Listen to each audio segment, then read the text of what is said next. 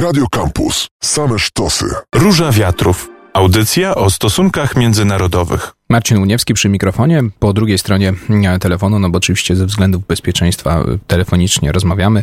E, Rafał Tomański, ekspert do spraw Azji, dziennikarz Gazety Wyborczej. Witam serdecznie, Rafale. Dzień dobry, witaj. Tematem naszej rozmowy będzie to, jak chińskie władze, trzeba przyznać, umiejętnie wykorzystują epidemię koronawirusa do realizacji swoich celów politycznych, czy celów, można powiedzieć, takiego PR-u politycznego, bo niemal od samego początku wybuchu epidemii koronawirusa, czyli to jest mm, listopad 2019 roku, chociaż doniesienia, że taki wirus jest i szaleje podobno już wcześniej były. Pekin robi wszystko, żeby zmienić światową narrację i pokazać się jako państwo, które może rozwiązać ten globalny problem SARS-CoV-2, no a nie, że jest odpowiedzialne za to, że tak szybko ta epidemia się po całym świecie e, roz, rozlała. Mm, powiedzmy na samym początku, jaka jest prawda, bo przez wiele miesięcy Chińczycy bagatelizowali ostrzeżenia lekarzy, uciszali lekarzy, więc no, rozmija się to z tą oficjalną państwową, państwową propagandą. Powiedz proszę, jak to wyglądało faktycznie, jaka była ta chińska pierwsza odpowiedź na doniesienia o tym, że jakiś wirus jeszcze wówczas nieznany y, pojawił się w Wuhan, w prowincji Hubei, Hubei w y, Chinach. Jeżeli mamy dociekać jakiejkolwiek prawdy, trzymając się tych informacji, które są znane, no to też nie możemy tak szafować tymi datami, bo pierwsze informacje na Zachodzie nie pojawiły się w listopadzie, one pojawiły się dopiero, no nawet w ostatnich dniach grudnia dla tych osób, które naprawdę siedziały mocno w temacie, a szerzej opinia publiczna i to też bardziej przez jakieś konkretne newslettery traktujące o wydarzeniach z Chin, i to też takich międzypłaszczyznowych, nie tylko jakby wiadomościach medycznych, ale takich przekrojowych przez wszystkie dziedziny życia, społeczeństwa i gospodarki w pierwszym tygodniu stycznia. Czyli jak my byliśmy świeżo po Sylwestrze, to pojawiły się pierwsze informacje z linkami do chińskich źródeł o tym, że jest wirus nowego typu i że to jest prawdopodobnie nowy koronawirus, o którym jeszcze nic nie wiadomo. Teraz Chiny tłumaczą, że Pierwszy telefon szefa chińskiej Komisji e, Bezpieczeństwa Zdrowotnego, czyli takiego odpowiednika CDC amerykańskiego, czyli tam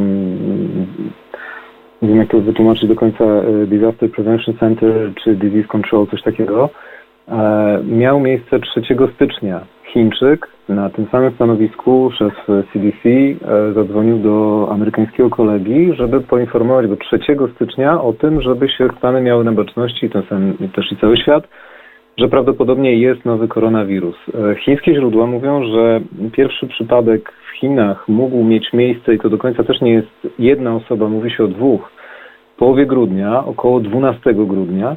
Natomiast są epidemiolodzy, którzy twierdzą, że, e, i to tutaj narracja też się rozwija dwutorowo, e, z jednej strony wirusy były takiego rodzaju wirusy i nawet też właśnie ten, czyli ten odpowiedzialny za COVID-19, był obecny dużo, dużo dłużej, nie tylko dlatego, że wirusy są dużo starsze od ludzi, e, jako, jako coś, co istnieje na naszej planecie, ale że ten koronawirus był obecny wśród ludzi przez długi czas, wiele dekad wcześniej.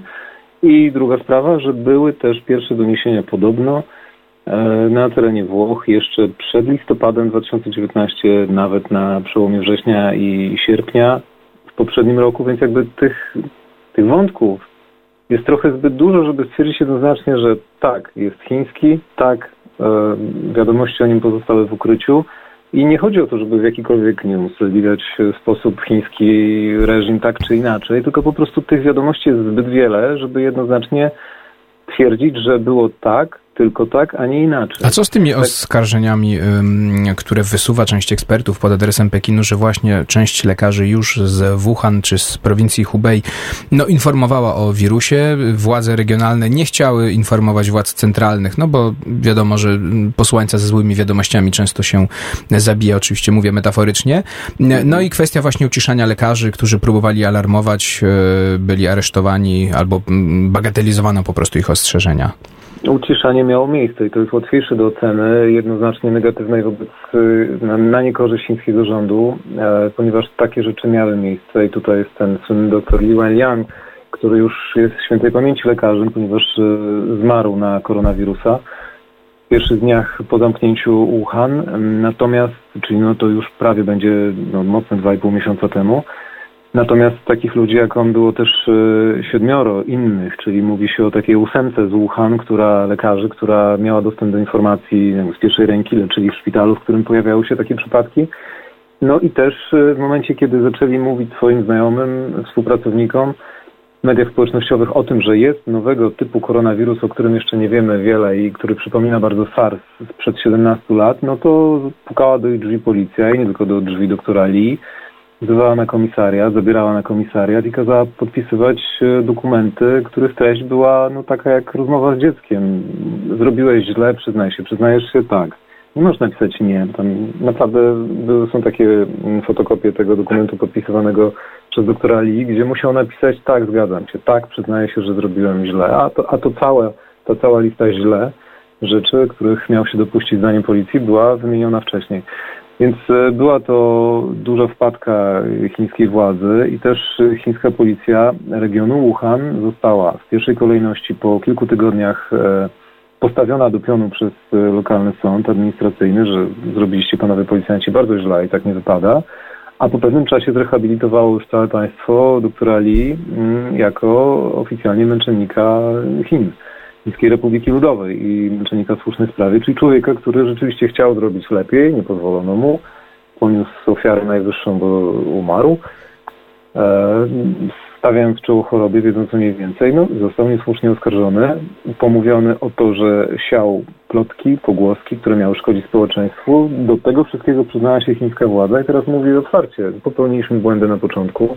Oczywiście wstyd nam, no ale życie toczy się dalej, nie kończy się tylko na jednym przypadku jednego doktora bądź siedmiu jego kolegów po fachu. No właśnie, Rafale, jaka jest ta oficjalna chińska narracja w sprawie wybuchu epidemii? Bo w marcu rzecznik Ministerstwa Spraw Zagranicznych Chińskiej Republiki Ludowej powiedział, że koronawirus mogli przynieść amerykańscy żołnierze, którzy w październiku byli w Wuhan na igrzyskach wojskowych. Z kolei jeden z najbardziej znanych chińskich epidemiologów powiedział, że okej, okay, to, że koronawirus e, pojawił się, ten konkretny, czyli SARS-CoV-2 pojawił się w Chinach, to wcale nie znaczy, że on z Chin pochodzi, czyli no takie troszkę zrzucanie, czy troszkę, nie troszkę, zrzucanie winy na, na inne na inne państwa, czy na innych aktorów, no bo tutaj ten epidemiolog nie wymienił państwa z imienia.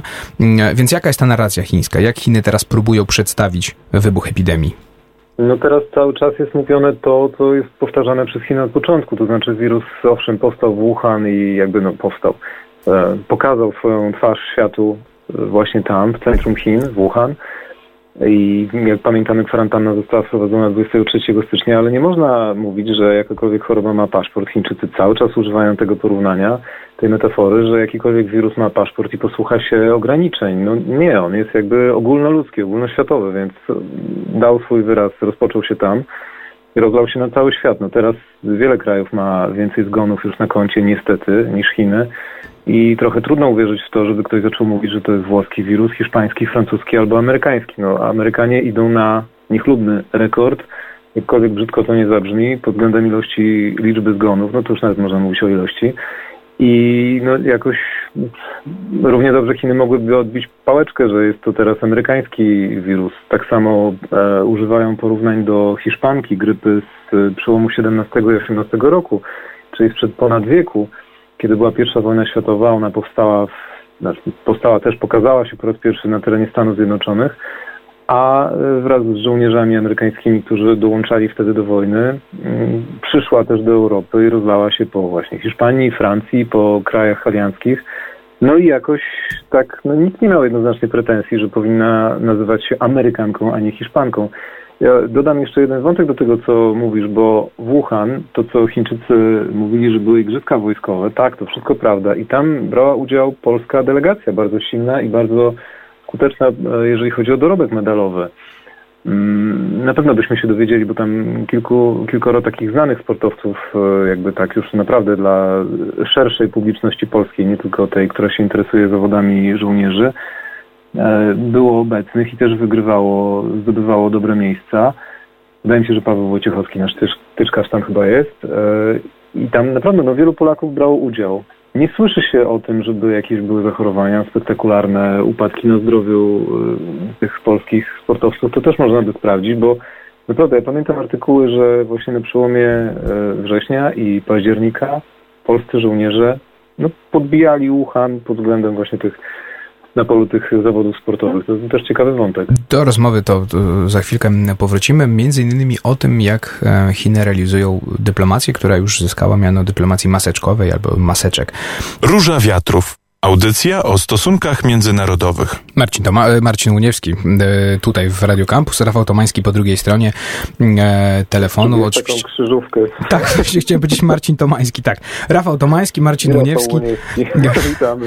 Witamy. Rozmawiamy dzisiaj w Róży Wiatrów o tym, jak chińskie władze próbują narzucić taką narrację światu, że to Pekin, czy linia polityczna przyjęta przez Xi Jinpinga, czy Xi Jinping na czele państwa chińskiego świetnie sobie radzą z SARS-CoV-2, czyli koronawirusem, a jeszcze tą pomoc na cały świat rozsyłają i że Chiny mogą być takim remedium na tego wirusa. No oczywiście chińska propaganda pomija e, to, co powiedzieliśmy też już w pierwszym wejściu do naszej audycji, czyli to, że bagatelizowano ostrzeżenia lekarzy, że kiedy lekarze informowali o nowym wirusie, który pojawił się w Wuhan, to przychodziła do nich na przykład policja i kazała im podpisywać takie lojalki, że nie będą o tym, o tym mówili. No i idąc dalej, część ekspertów twierdzi, że przez takie zachowanie chińskich władz tej epidemii nie udało się powstrzymać i ona się rozlała z Wuhan, z Hubei, z prowincji na, na całe Chiny, a potem dalej.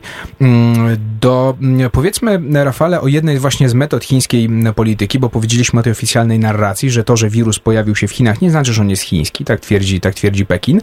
No a jedną z metod chińskiej polityki w sprawie koronawirusa jest dyplomacja, którą okrzyknięto maseczkową, czy dyplomacją e, maseczek. Na czym dokładnie to, mm, na czym dokładnie ta dyplomacja chińska e, polega? No jest bardzo prosta i bardzo dosłowna, to znaczy wysyła się, prowadzi się kontakty dyplomatyczne, zacieśnia się stosunki dyplomatyczne, może tak bardziej zgodnie z prawdą, wysyłając dostawy sprzętu medycznego. Są nim głównie maseczki, są nim kombinezony ochronne, maseczki różnego typu, te bardziej szczelne, mniej szczelne, także respiratory, jeżeli oczywiście kogoś na to stać i tu pojawia się właśnie gwiazdka, jeżeli kogoś stać, to nie jest pomoc w 95%, to nie jest pomoc e, taka, która pomaga tylko i wyłącznie, tylko ją trzeba sobie kupić. Czyli już z założenia nie każdego na to stać, czyli jest to takie zacieśnianie tej przyjaźni, ale za które trzeba zapłacić i nie ma co do tego złudzeń. Do nas tak samo w Warszawie lądujący wczoraj Antonów 225 Myria też nie przywiózł sprzętu, którego e, za który byśmy nie zapłacili. To jest zamówienie spółek Skarbu Państwa, Lotos i KGHM. KGHM tutaj wiódł prym załatwiły samolot, największy na świecie, za transport trzeba było zapłacić. No to wszystko kosztuje. Bardzo niewiele jest takich przykładów wysyłania odgórnego, takiego już e, zapłaconego towaru, który wędruje rzeczywiście za darmo z Chin gdzieś w świat. A taką dostawę zrobił szef Alibaby, Jack Ma, były szef Alibaby, założyciel tego koncernu, bo on już jest na emeryturze wysłał do Stanów Zjednoczonych, to też było znamienne, no bo Chińczycy zaczęli pomagać Amerykanom, a przecież do niedawna trwała wojna handlowa i Waszyngton z Pekinem mieli na pięku i, no i, i mieli mieć dłużej, a już teraz nie mają, więc o tym też trzeba pamiętać, że ten wirus nadpisał rzeczywistość i zacząłem w ogóle tworzyć na nowo, bo wcześniej oba wielkie państwa, które, którego, które jakby no w Chinach zaczął się wirus, w Stanach Zjednoczonych teraz bije rekordy pod względem zgonów i zachorowań, a wcześniej te dwa kraje miały ze sobą napięku gospodarczo. E, chciałem przed chwilką, to właśnie też taka mała niedogodność, jakbyśmy się widzieli na żywo, to na pewno bym nie zgubił tego wątku, a przed chwilką jeszcze chciałem coś dodać do tego e, pierwotnego, do tej pierwotnej rozmowy o tym, jaka była narracja. Był też moment, kiedy Pekin twierdził, że Chiny kupiły czas światu, wtedy, kiedy jakby to świat, o już sobie przypomniałem wszystko, e, wtedy, kiedy świat właśnie tak ze zdumieniem patrzył, że o, wirus nie jest tylko chiński, że właśnie przyszedł do nas i zbiera żniwo u nas w Europie czy, czy na innych kontynentach, to Chiny mówiły tak z powątpiewaniem, patrząc na to, co robił Zachód, no dobrze, no przecież widzieliście, co się działo u nas. No mogliście się przygotować, mieliście tyle czasu, kupiliśmy czas wam. No tak, byliśmy na pierwszej linii. Pokazaliśmy, co zrobić. Dodam tylko do dyplomacji maseczkowej, że ona faktycznie, mm, e, oczywiście kwestia tego, że to trzeba zapłacić za tą pomoc chińską, nie zawsze się przebija do mediów. Przebijają się natomiast takie obrazki, jak na przykład prezydent Serbii, e, pan Włócić, całujący chińską flagę e, właśnie mm, na lotnisku po tym, jak Chiny przywiozły kolejny transport e, pomocy medycznej dla, dla Serbii. No więc faktycznie takie, takie obrazki, e, które zapadają w pamięć, a jeśli chodzi o PR, to bardzo Chinom e, służą. Do tej wojny informacyjnej dołączyły też chińskie media i trolle trolle internetowe na usługach Pekinu. I chciałem cię zapytać, jak tutaj wygląda ta, ta walka ta, na, na tym froncie wojny propagandowej czy informacyjnej, bo na przykład amerykańskie media zwracają uwagę, że pojawiły się w internecie hasztagi, na przykład włoski wirus, japoński wirus, no właśnie tak jakby zrzucający odpowiedzialność czy przypisujący pochodzenie tego wirusa innym krajom, jak tutaj w sieci Pekin próbuje, próbuje kontrolować tą narrację, jeśli chodzi o, o epidemię koronawirusa. Rzeczywiście próbowano takich działań i rzeczywiście takiego rodzaju trolle internetowe no, produkowały masowo hasztagi mające przekierować uwagę na to, skąd pochodził wirus, gdzie, gdzie się rozpoczął. Natomiast no, oczywiście partia ani się do tego nie przyzna, ani nie, nikt nie zdobędzie żadnych dowodów, że to jest tak zwana partia czy grupa 50 centów, UMAO, jak się o nich mówi, e, czyli ludzi, którzy są płaceni pół juana 50 centów juana, czyli jakby 50 groszy, za 50 groszy stworzą e, jakikolwiek komentarz przychylny dla władzy. No tak, taka jest jakby, e, taka jest geneza tego określenia.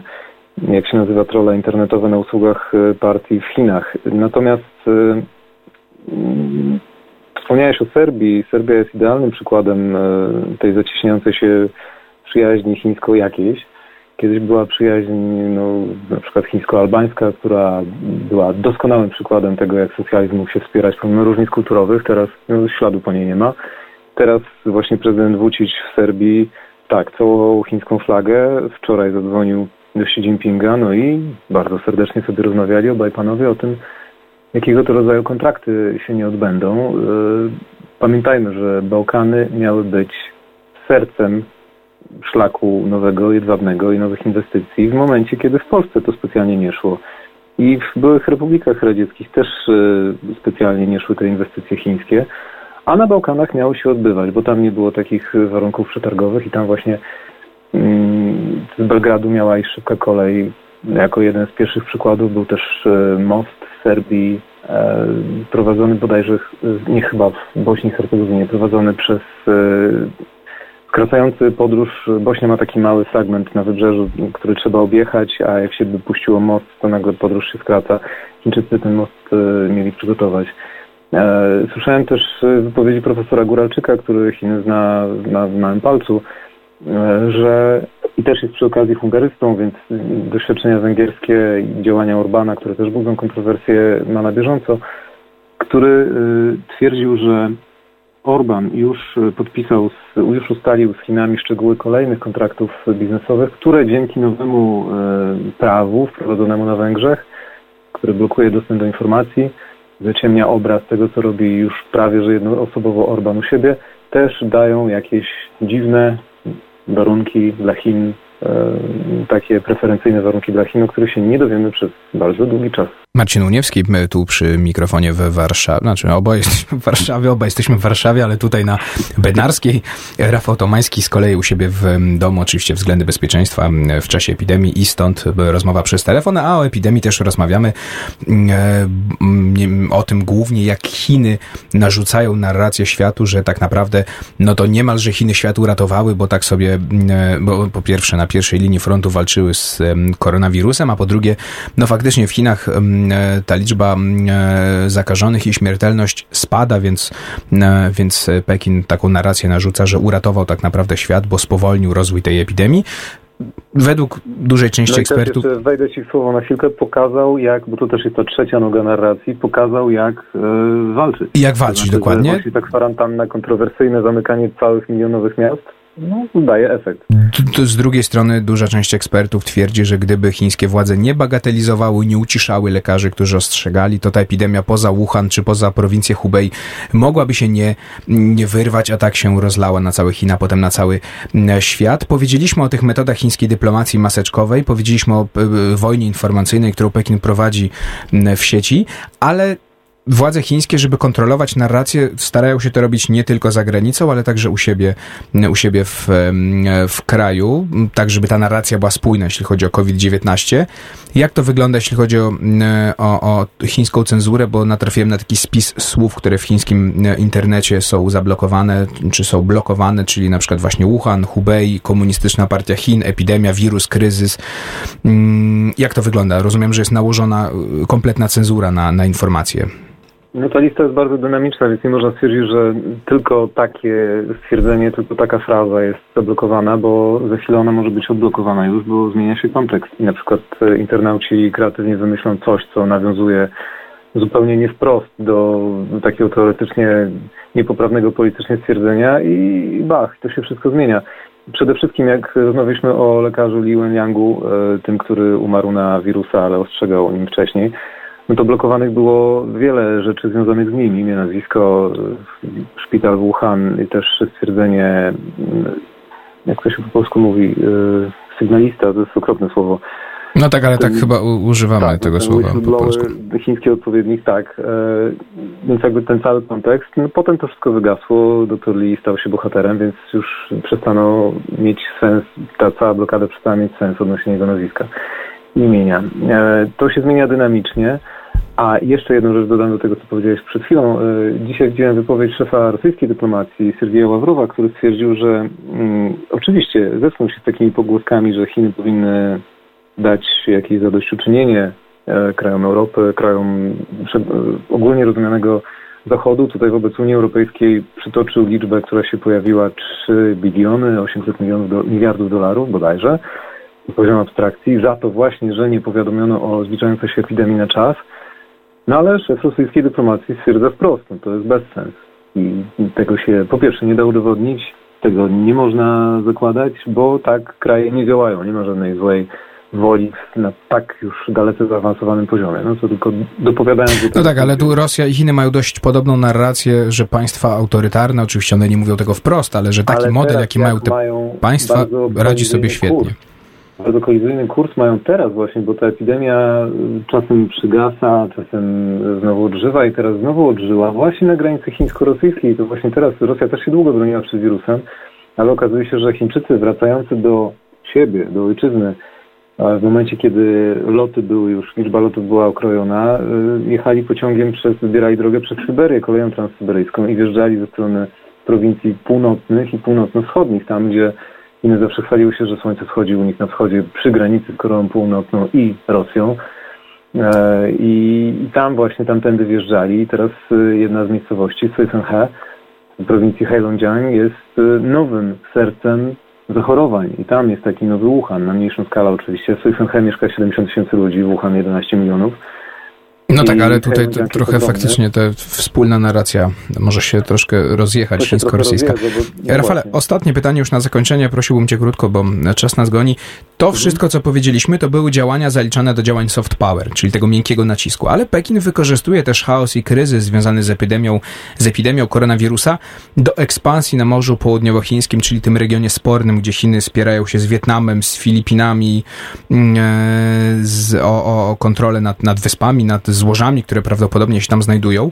Mm, jak tutaj chińska... No nawet, nawet nieprawdopodobnie. No znaczy, okej, okay, to, to, to, to powiedz, jak, jak, jak, tutaj Chiny, y, jak tutaj Chiny próbują wykorzystać właśnie chaos związany z koronawirusem do, do działań, które już nie są soft power, no jest to bardzo często mm, już po prostu takie twarde działania. Mm, chińskie niszczyciele czy chińskie krążowniki są wysyłane w region, więc jest to działanie już takie stricte militarne. Tak, tam nikt się nie bawił nigdy w działanie w rękawiczkach. Tam jest realna siła i realne jednostki, nawet straży przybrzeżnej chińskiej, które są czasem większe od jednostek y, marynarek wojennych y, wielu państw. Chińczycy tam płyną, taranują kutry właśnie wietnamskich rybaków, filipińskich, z różnych innych krajów, trochę mniej, bo Wietnam i Filipiny mają najgorzej odnośnie Chin. Ale to dlatego, że właśnie te wyspy, te archipelagi sporne, Spratly, Paracele, jeszcze taki atoll Scarborough, który uważają, że, o którym Filipińczycy uważają, że jest ich, są no, jakby no takim pierwszym miejscem do tworzenia baz wojskowych dla Chin. I Chiny stwierdziły już wiele, wiele lat temu, że nie oddadzą terenu Morza Południowochińskiego i teraz wykorzystują wirusa jako taką takie rozpraszanie uwagi świata po to, żeby jeszcze bardziej cementować swoją obecność tam. Wietnam trochę chce to zdyskontować i, i też budować takie przymierza na świecie, wysyłając lepsze niż chińskie maski i zaraz budując lepsze niż chińskie respiratory i wysyłając świat, na mniejszą skalę oczywiście, ale z kolei Wietnam gra o umowę wolnego handlu z Unią Europejską, więc tam może południowochińskie i konflikty terytorialne przenoszą się nawet na Unię Europejską i na nasz świat w taki sposób nie. I tutaj stawiamy kropkę. Rafał Tomański, ekspert do spraw Azji, dziennikarz Gazety Wyborczej, również autor książek o, o Azji, był moim i waszym gościem. Bardzo dziękuję Rafale za bardzo. rozmowę. To była Róża Wiatrów. Ja się nazywam Marcin Uniewski, a my się oczywiście słyszymy w środę za tydzień w Radio Campus. Radio Campus. Same sztosy.